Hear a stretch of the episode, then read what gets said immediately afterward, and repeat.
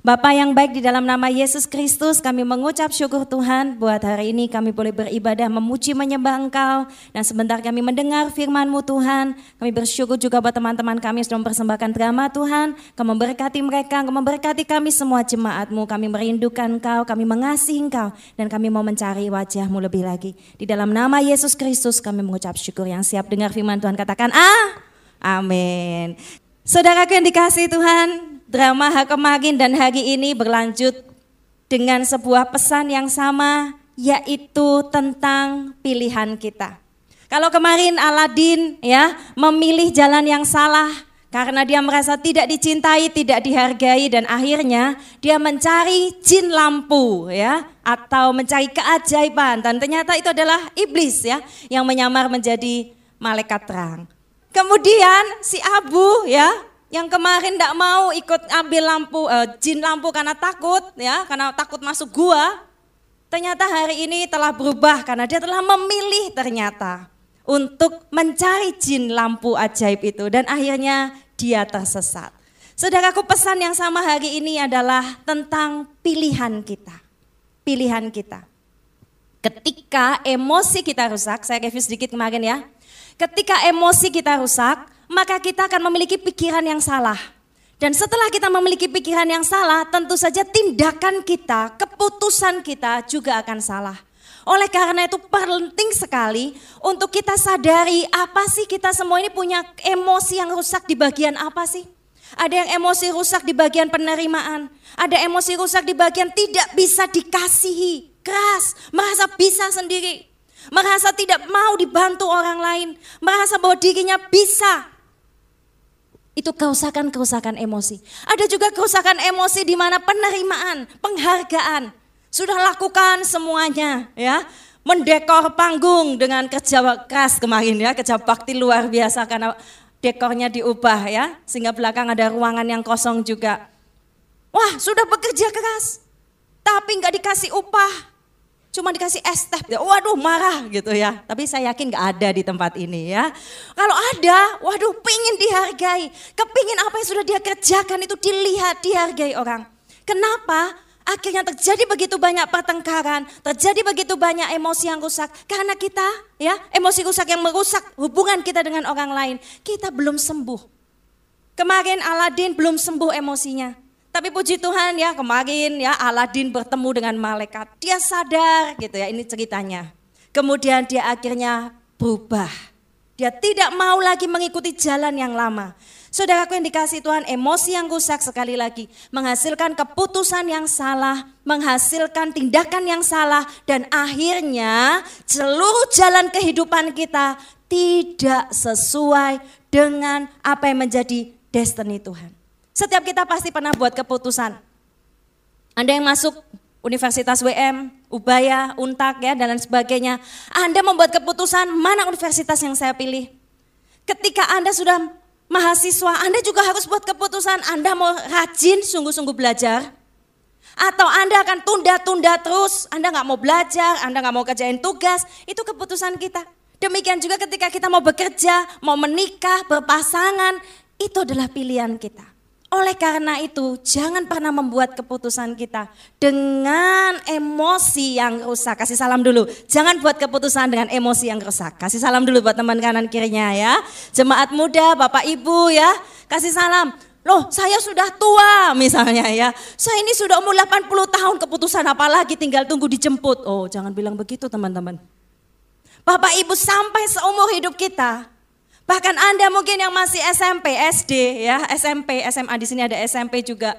Buat keputusan yang benar dalam hidup kita, bukan berdasarkan emosi yang rusak. Setiap kita pernah buat keputusan yang salah. Kalau Anda tanya saya, apakah saya pernah buat keputusan yang salah? Ya, saya pernah. Apakah saya menyesal? Ya, saya menyesal. Apakah itu mempengaruhi hidup saya? Ya, itu mempengaruhi hidup saya. Apa yang harus kita lakukan? Perbaiki anda pernah buat keputusan yang salah? Siapa yang pernah angkat tangan yang tinggi gak usah malu? Yang gak angkat tangan luar biasa boleh maju ke depan ya, saya kasih hadiah. Pernah buat keputusan salah ya? Berteman sama orang yang salah. Kemudian jangan sampai menikah dengan orang salah ya. Berpasangan ya, milih pasangan hidup salah. pilih kos salah ada hantunya. Oh ya kan salah pilih. Sudah dilihat kosnya bagus, harganya murah. Ya kan siapa yang nggak kepingin? Sudah kos bagus, harga murah, AC dalam, kamar mandi dalam. Ada sindir bolongnya di dalam ya. Ada jinnya di dalam ya. Murah sekali. Salah pilih. Kita semua pernah salah pilih ya. Ada yang merasa salah pilih jurusan. Salah pilih. Kenapa saya di jurusan ini sulitnya minta ampun. Merasa salah pilih. Teman-teman lalu apa yang terjadi? Ada pilihan-pilihan yang membuat hidup kita bisa sangat berpengaruh teman-teman. Dan itu bisa merugikan kita sehingga mungkin ada efek-efek yang mengerikan. Apa yang harus kita lakukan kalau kita sudah salah pilih? Perbaiki. Ada tipe orang yang begitu membuat kepilihan tuh dengan begitu cepat. Oh, enggak pikir panjang. Pokoknya, pokoknya dapat, pokoknya dapat. Pilih, pilih, pilih. Tapi ada juga tipe orang yang memilihnya tuh minta ampun. Pernah punya teman seperti itu? Pilih baju batik saja teman-teman tuh bisa dua jam di satu toko yang sama. Ayo siapa seperti itu angkat tangan? Ya. Mungkin cowok-cowok pilih sabun mandi aja di Indomaret teman-teman.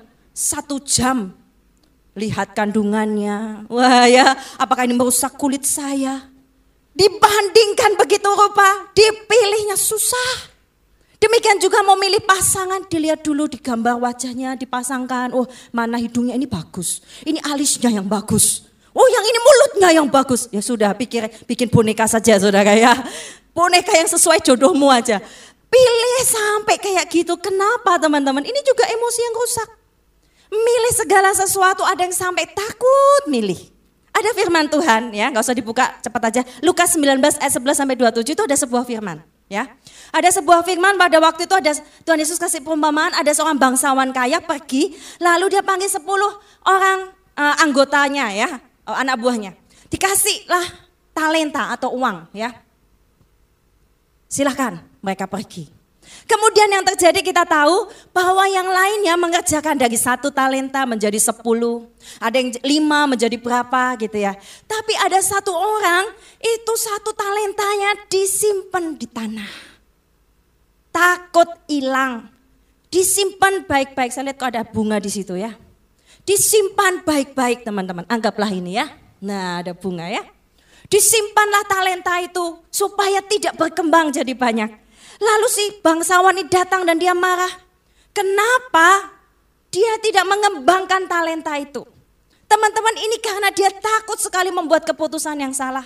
Dia takut nanti kalau sampai saya buat keputusan ini hilang gimana? Waduh saya akan dibunuh nih sama tuan saya.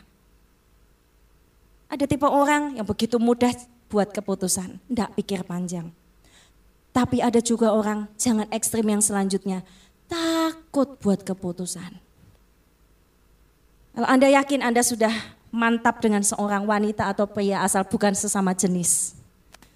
Berdoa, sudah dewasa, ambil keputusan. Tidak apa-apa, kasih salam dulu. Sudah siap berpasangan? Ya, habis gini semua langsung cepat punya pasangan ya. Tidak apa-apa. Jangan takut buat keputusan. Kalau memang engkau sudah yakin, sudah mantap, sudah datang ke pembimbing rohani, ya asal pembimbingmu ternyata tidak menginginkan anak itu ya, wanita itu ya, ternyata sama-sama suka gawat. Nah itu kasus khusus ya. Sudah disetujui, didoakan, belajar jaga kekudusan, janji, iya, iya, mau. Jaga kekudusan ya, iya. Nggak, mari gini males ke gereja ya, iya. Dan ternyata dari buahnya, oh bagus. Menikahlah. Yang bilang amin yang belum menikah ya. Buat keputusan, mau kerja, oh bingung, aduh ke mana, aduh bingung aku. Nganggur dua tahun, tiga tahun, karena belum nemu yang sek. Yang sek itu gimana teman-teman? Anda harus belajar melangkah dengan iman. Tapi ada tolak ukur Anda membuat keputusan. Yang pertama, apakah keputusan itu menyenangkan hati kita atau menyenangkan hati Tuhan? Anda mungkin tergesa-gesa pengen punya cepat punya pacar. Ya, atau pengen melakukan sesuatu, pilihan yang akan berpengaruh dalam hidup Anda. Yang pertama Anda harus tahu, keputusan itu menyenangkan hatimu sendiri atau menyenangkan hati Tuhan. Ini bicara tentang sikap hati, ini bicara soal motivasi kita. Yang kedua, adakah damai sejahtera ketika engkau memilihnya? Contoh, ada 10 tawaran pekerjaan, satu di klub malam, klub siang gitu ya, satu di klub pagi, tiga mungkin di, uh, di karaoke ya, semuanya yang selanjutnya adalah bandar narkoba. Ya tidak ada damai sejahtera, jangan dipilih semuanya ya. Kalau misalnya Anda sudah merasa damai, Anda sudah yakin berdoa, datang sama Tuhan, ini tolak ukur kita. Sudahkah Anda datang sama Tuhan? Sudahkah pilihan nanti yang akan kamu ambil itu menyenangkan hati Tuhan atau menyenangkan diri sendiri? Ya, Kemudian ada damai sejahtera enggak? Sesuai firman Tuhan enggak? Kalau itu sesuai kehendak Tuhan, lanjut. Kemudian kita bisa lihat pilihan-pilihan yang ada itu apa saja. Ya, kalau misalnya itu pekerjaan, ya, atau pasangan, Anda mikir pilihan apa ya? Berpasangan sekarang atau tunggu tahun depan atau tunggu 10 tahun lagi. No, ya kan? Ada yang mau tunggu 10 tahun gitu ya? Mungkin ada. Tunggu 20 tahun lagi. Itu pilihan-pilihan yang ada atau ternyata pilihannya putus. Pilihan-pilihan yang ada itu Anda lihat, Anda doakan, mungkin Anda tulis dan Anda bawa di hadapan Tuhan. Tuhan, aku mau buat pilihan. Apakah pilihanku ini benar di hadapanmu? Saudaraku belajar buat pilihan yang benar. Tempat ini kita habis buka training pelayan tahun ini ya. Buat pilihan. Melayani Tuhan. Yang sudah tahun lalu sudah ikut training pelayan, buat pilihan yang benar, setia.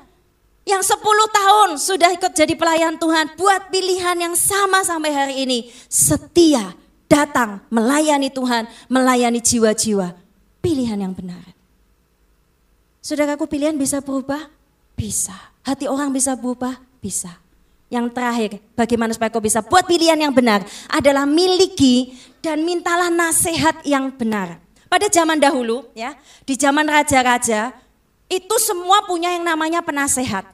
Ya, ada kisah juga setelah zaman Salomo, penasehatnya ngawur ya. Kita sudah pernah tahu ya, waktu itu eh, rajanya minta penasehat dari orang tua, gak didengerin.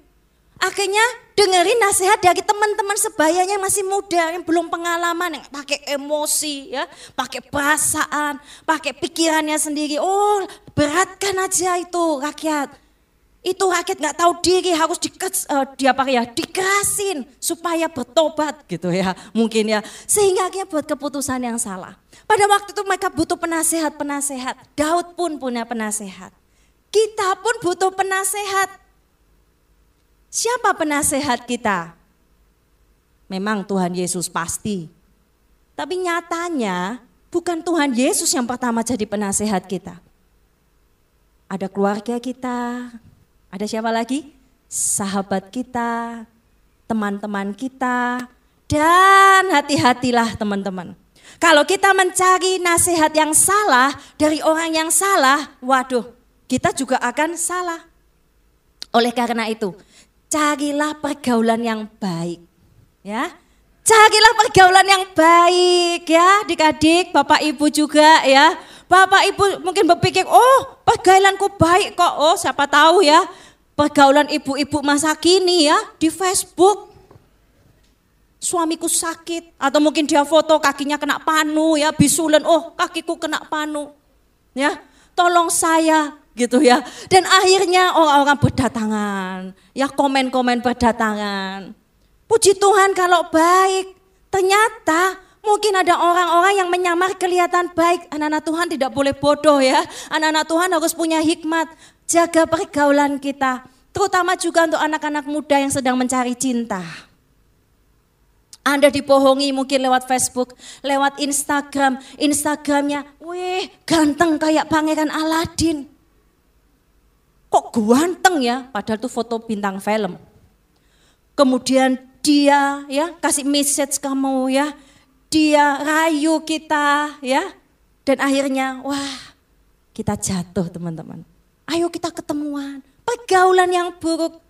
Belum lagi kita dapat nasihat dari teman-teman kita yang juga emosinya juga sakit. Oleh karena itu kita buka ayat firman Tuhan. Yakobus 3 ayat 13. Yakobus 3 ayat 13 ini bilang begini, coba kita buka.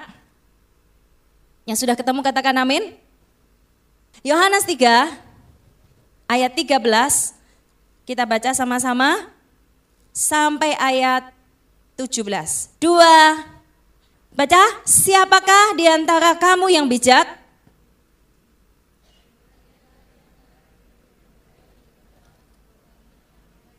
Hikmat yang lahir dari kelemah lembutan. 14.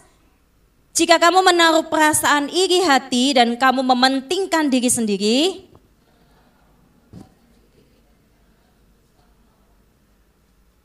Terus lanjut. Tapi dari 16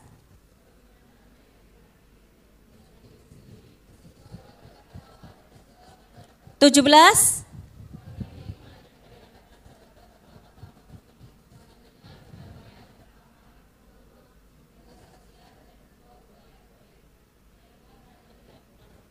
18 terakhir.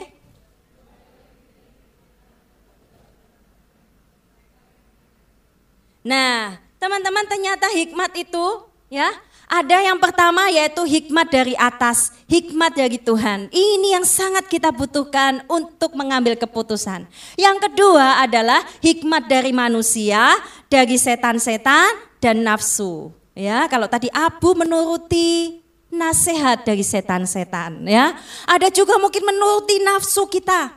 Ada hikmat yang karena kita nafsu, kepingin cepat. Teman-teman ada orang yang kepingin sekali hidupnya berubah.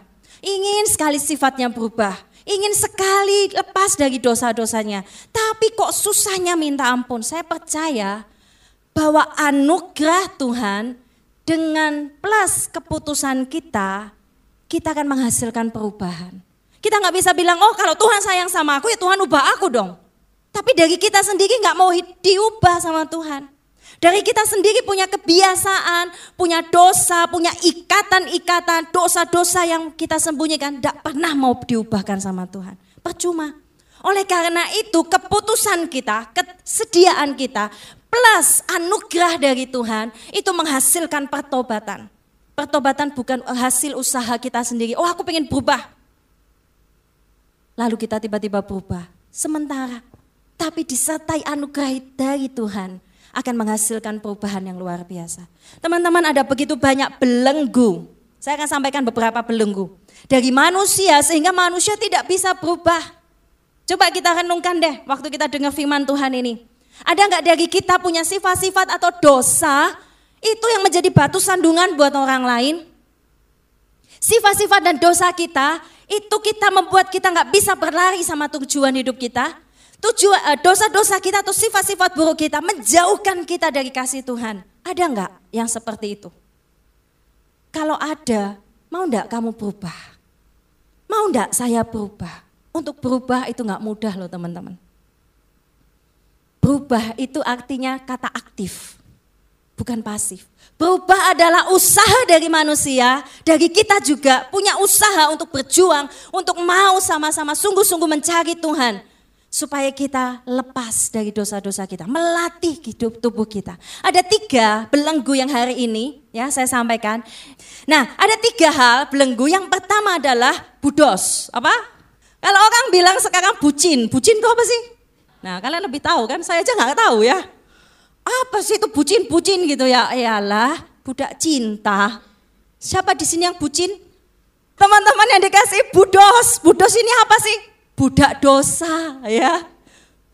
Yang pertama belenggu do budak dosa ini kepingin banget lepas dari dosa. Tapi tidak bisa. Sama seperti orang yang terikat teman-teman. Kaki tangannya dirantai oleh iblis dia nggak sadar, dia masih bisa bagi gereja, masih bisa senyum-senyum, masih bisa main game ya. Tapi hidupnya sedang diikat, dikuasai oleh dosa itu. Ini membuat dia teman-teman ingin berubah, ingin lepas, tapi nggak bisa. Budak dosa ini belenggu pertama yang kita harus sadari. Punyakah engkau yang namanya budos, budak dosa atau belenggu dosa? Punya? Kebiasaan Beda dengan dosa.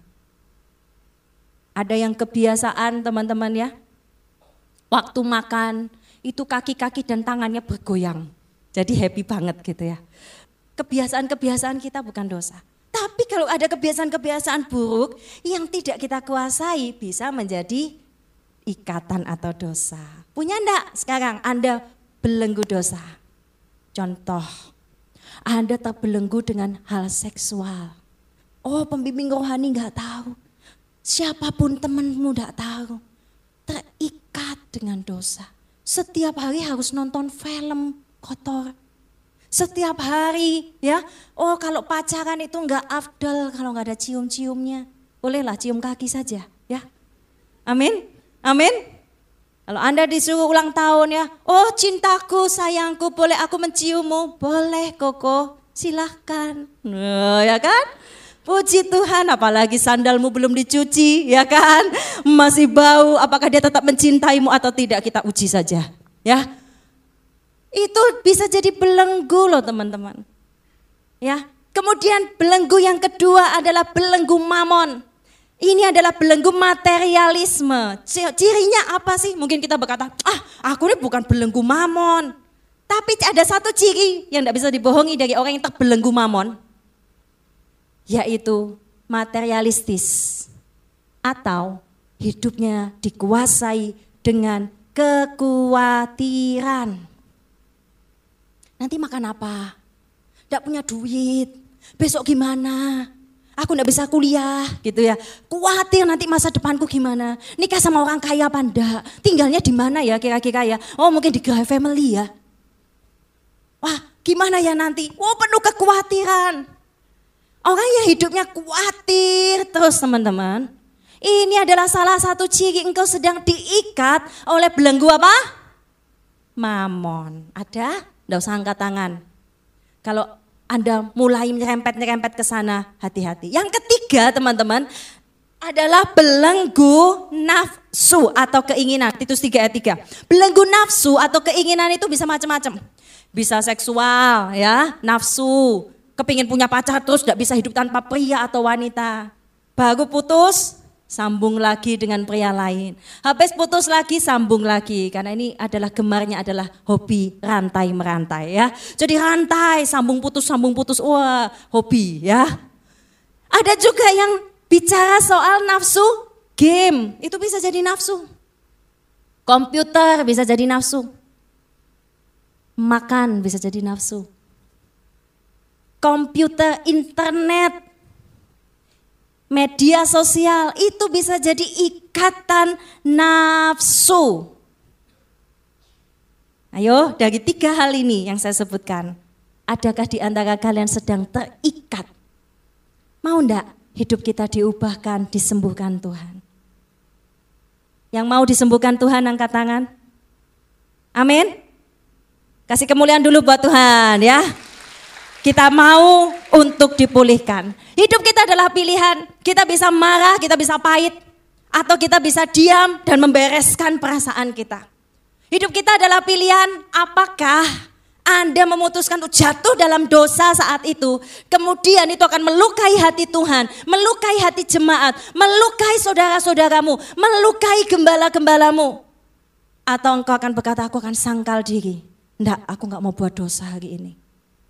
Itu pilihan kita teman-teman.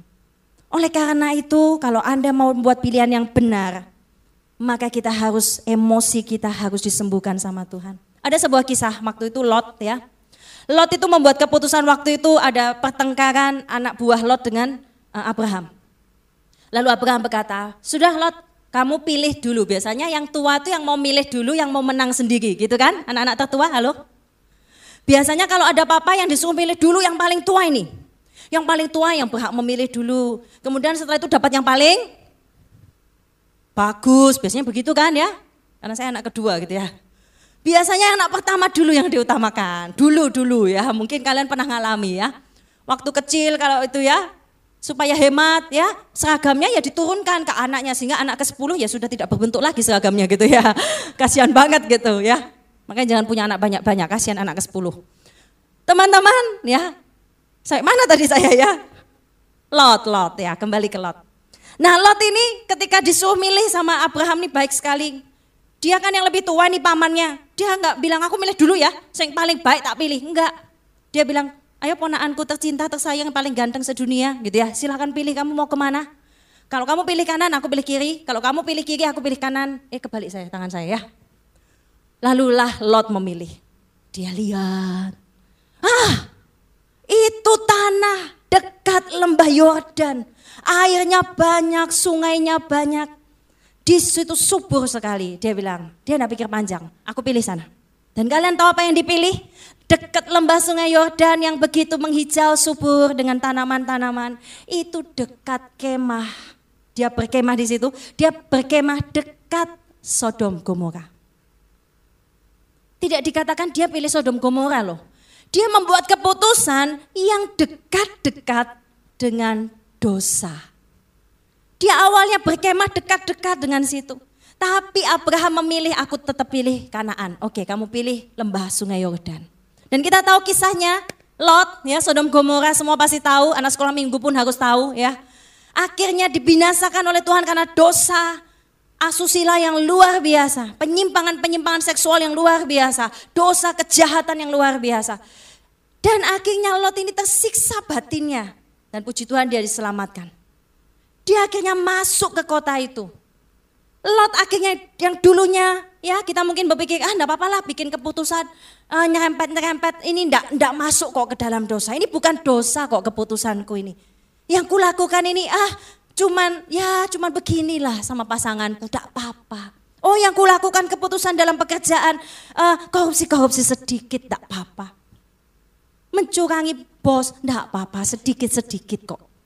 Tapi teman-teman, kelamaan kita nggak berjaga, oh kita nggak ada rem. Akhirnya kita masuk ke dalam Sodom Gomora itu. Dan nyaris hampir kita bisa dibinasakan teman-teman.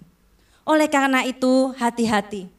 Jangan kita membuat keputusan yang dekat-dekat dengan dosa. Kemarin kalau di retreat ya, kita bicara banyak soal salib. Waktu itu saya juga sampaikan soal salib. Di mana salib ini begitu luar biasa menjadi titik balik setiap anak Tuhan. Setiap anak Tuhan yang belum mengalami titik balik salib, maka hidupnya itu tidak akan mengalami pertobatan yang sejati atau iman yang sejati. Tapi kalau kita sudah mengalami titik balik di salib itu, kita mengalami pembebasan dari salib itu, kita mengerti arti salib yang luar biasa, harga salib itu, maka hidup kita itu tidak sama lagi. Kita mau buat dosa itu mikir dulu teman-teman.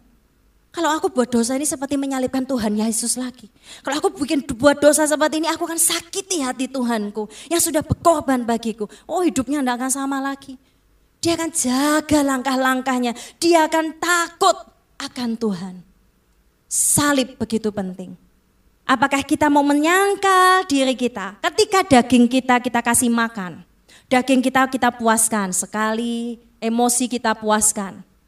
Marah misalnya, anda punya emosi marah tidak terkendali, dipuaskan. Kalau marah tuh bisa banting-banting. Di kamar, puji Tuhan kalau itu banting bantal guling. Tapi dia ke kamar, ke, ke kamar kos temannya, banting-banting handphone gitu ya. Banting-banting tip, banting-banting radio. Gawat saudaraku, masuk penjara kamu nanti ya. Ini punya kebiasaan gak bisa direm. Wah kalau sudah emosi, uh, wah kertas kalau ada kertas atau apa kalau ada kepala rambut temannya, wah gitu ya. Gak bisa ngontrol.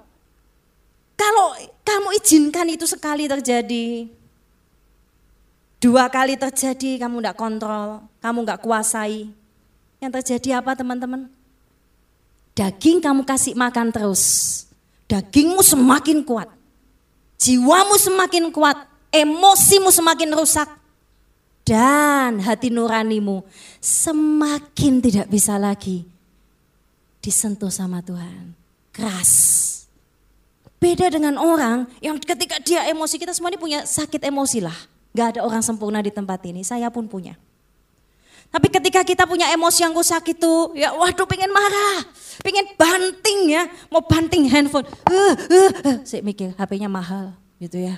Mikir, oh cicilannya belum selesai. Oh mikir dulu kan. Oh, kalau aku banting, aduh jangan, lebih baik banting kertas. Wow kita mulai bertumbuh ya. Dari banting HP menjadi banting kertas. Ah puji Tuhan. Kok nggak ada suaranya begitu ya? Nggak puas, itu menyangkal diri. Besoknya mau marah lagi ya, mau banting apa lagi? Aduh, akhirnya dipakai lap gitu ya. Udah jadi banting-banting ah. Lama-lama mungkin pukul-pukul uh, bantal, ih gemes, gemes, marah gitu ya. Bantalnya di diituin ya, disobek-sobek, wah dihambur-hamburkan jadi foto model akhirnya ya. Teman-teman, ada pertumbuhan ya. Emosi kita harus diatur, ada pertumbuhan. Itu yang menyenangkan hati Tuhan. Ada tubuh kita tuh harus dilatih. Tapi kalau kita kasih makan daging diizinkan. Satu dosa diizinkan. Oh enggak apa-apa kok cium pipi. Eh besoknya cium bibir enggak apa-apa. Besoknya cium apa lagi enggak apa-apa kok enggak apa-apa enggak apa-apa. Kamu akan jatuh. Kita harus belajar menyangkal diri. Enggak mudah. Siapa yang mau sangkal diri? Mau? Mana suaranya? Tentara-tentara Tuhan. Mau sangkal diri, amin? Amin ya. Jadi kasih makan roh kita, rajin ibadah, baca firman Tuhan, dengerin lagu-lagu rohani ya, termasuk Miracle Worship gitu ya, sekalian promosi. Buat rohani kita bertumbuh di dalam Tuhan ya. Jangan sampai kita kasih makan daging kita. Teman-teman ada 3 B ya, bertobat, berubah atau berbuah dan bermisi. Itu harus kita lakukan. Yang pertama bertobat, yang kedua berubah atau berbuah hidup kita, proses berubah. Yang ketiga adalah bermisi buat Tuhan. Ayo jemaat, jemaat kemurahan Tuhan, jemaat misinya Tuhan. Kita harus menggenapi misi Tuhan. Dan gereja Tuhan, anak-anak Tuhan di tempat ini, Bapak Ibu, mari kita bermisi melayani Tuhan. Kemarin yang terakhir saya sampaikan ketika di ibadah yud, ya. Tuhan rindu untuk menjadi yang diutamakan atau dipilih. Kita buka ayat terakhir kita di Amos 5 ayat 4 ya. Amos 5 ayat 4 kita buka yang terakhir. Amos pasal 5 ayat keempat sampai ayat 6. Dua, tiga. Sebab beginilah firman Tuhan kepada kaum Israel, carilah aku maka kamu akan hidup. Janganlah kamu pergi, eh, kamu mencari Betel, janganlah pergi ke Gilgal, janganlah Sebab Gilgal pasti masuk ke dalam pembuangan dan Betel akan lenyap. Carilah Tuhan maka kamu akan hidup.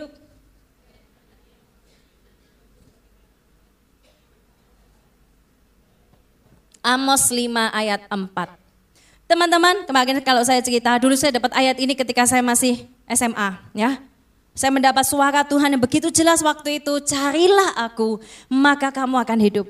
Dan itu dua kali diulang teman-teman dalam doa saya, bukan doa, waktu itu mau baca Alkitab di kamar. Tiba-tiba muncul suara itu begitu jelas. Saya bingung, saya pernah baca ayat ini di mana dan akhirnya saya cari-cari karena dulu nggak ada Android yang bisa di searching begitu mudah ya. Saya cari dan ternyata ada ayatnya. Dan itu menjadi bekal buat saya waktu itu teman-teman untuk menanggapi dan berkata ya untuk panggilan Tuhan. Karena Tuhan berkata, Tuhan tahu masa depan kita. Tuhan tahu yang akan terjadi di masa depan kita. Dan Tuhan rindu menjadi orang yang pertama dalam hidup kita. Tuhan itu rindu loh menjadi orang yang kita cari. Setiap kita pasti ingin, tidak ingin diduakan. Betul? Makanya banyak anak-anak itu marah sama papa mamanya. Kenapa? Merasa diduakan. Punya adik kecil, wow aku nggak disayang lagi ya. Padahal harusnya sudah belajar dewasa, ya sudah belajar gede. Oh marah, emosinya jadi rusak. Mungkin kita punya teman, ya, weh temanku kok lebih sayang sama itu. Gak pingin diduakan. Itu sifat dasar manusia, manusia itu kepingin jadi yang pertama buat orang yang dikasihinya. Yang setuju katakan amin? Atau ada yang ingin dikesepuluhkan? Oh gak usah wes aku gak apa-apa kok, aku gak usah disayang gak apa-apa ya. Aku ini rendah hati, baik hati, sudah kamu sama orang itu aja ya. Ulang tahun, oh gak usah kasih ucapan, gak usah aku baik-baik saja. Gak ada. Setiap kita tuh kepingin disayang. Setiap kita pingin diutamakan jadi nomor satu. Kita ini gak segambar serupa dengan Tuhan, apalagi Tuhan kita loh. Tuhan itu kepingin menjadi yang terutama, yang pertama buat kita. Tuhan bilang jangan cari battle. Kalau kemarin saya cerita battle itu ya artinya rumah Tuhan. Di mana Yakub ketemu dengan Tuhan waktu itu awal ya. Dia ketemu dengan Tuhan, oh ini jadi rumah Tuhan. Mereka battle tempat untuk mencari Tuhan. Lama kelamaan menurut sejarah Anda akan lihat, battle ini menjadi rumah ketidakbenaran atau rumah kesia-siaan atau Bet Aven. Yang dari battle menjadi Bet Aven, menjadi rumah kesia-siaan. Padahal dulu pernah ngalami Tuhan, pernah menjadi tempat ketemu dengan Tuhan. Gilgal itu tempat perjanjian. Bangsa Israel menyusun batu bata eh batu bata bukan batu bata ya. Batu batu perjanjian. Gilgal tempat mereka berkemah pertama kali. Tempat di mana uh, Abraham ya mempersembahkan korbannya. Tapi teman-teman Gilgal menjadi artinya adalah menggelinding atau runtuh, menggelombang. Kenapa? Yang awalnya harus berdiri teguh, menggelombang, runtuh. Berseba Tuhan bilang, jangan pergi ke Berseba, jangan cari Berseba. Berseba itu tempat mata air yang indah. Tapi pada zaman itu Anda lihat sejarah, itu tempat-tempat yang dulunya pernah dipakai ketemu sama Tuhan, tempat-tempat bersejarah secara rohani, itu dipakai semua sebagai berhala. Ngeri sekali. Tuhan bilang gini, mungkin kita pernah mengalami pengalaman-pengalaman sama Tuhan. Jangan mendewakan tempat ini. Jangan jadikan tempat ini Tuhan. Jangan jadikan mungkin rikomu itu segala-galanya. Itu baik. Atau mungkin kita punya pengalaman-pengalaman di masa lalu. Atau mungkin kita punya sahabat, punya teman, punya eh, kekasih, orang tua, anak. Itu baik. Tapi jangan mencari manusia karena kita akan kecewa. Tuhan bilang, cari aku. Eh, salah, aku. Ya, maka kamu akan hidup. Tuhan bilang, cari aku, maka kamu akan hidup. Ayo kasih salam yang terakhir, cari Tuhan, kamu akan hidup. Kalau nggak cari Tuhan kamu akan mati ya. Oke, kita sudah selesai ya firman Tuhan hari ini. Ayat terakhir saya mau bacakan, wah masih ada yang terakhir dari yang terakhir ya. Galatia 4 ayat 9. Galatia 4 ayat yang ke-9, ayat yang terakhir dari yang terakhir. Galatia 4 ayat yang ke-9 berkata demikian. Tetapi sekarang sesudah kamu mengenal Allah atau lebih baik sesudah kamu dikenal Allah, bagaimanakah kamu berbalik kepada roh dunia yang lemah dan miskin dan mau memperhambakan diri lagi kepadanya. Hati-hati dengan keputusan kita. Orang yang sudah pernah dikenal oleh Tuhan, mengecap kasih karunia Tuhan, dikenal oleh Tuhan dan mengenal Tuhan. Bagaimana kamu memperhambakan diri lagi? Bagaimana kamu mau buat keputusan yang salah? sehingga kamu akan menjadi hamba dari roh yang miskin dan lemah. Kalian tahu, roh dunia ini, roh ikatan-ikatan kuasa kegelapan ya, itu adalah roh yang miskin dan lemah. Sekalipun jin lampu kelihatannya sugih, kaya ya, bisa melakukan segala hal. Sebetulnya roh dunia, roh jahat itu miskin dan lemah. Tapi kalau kita punya roh Allah di dalam kita, roh kita semakin kuat, roh kita semakin dewasa, kita kaya di dalam Tuhan. Mau kaya dalam Tuhan? Amin. Amin. Mari kita tundukkan kepala kita.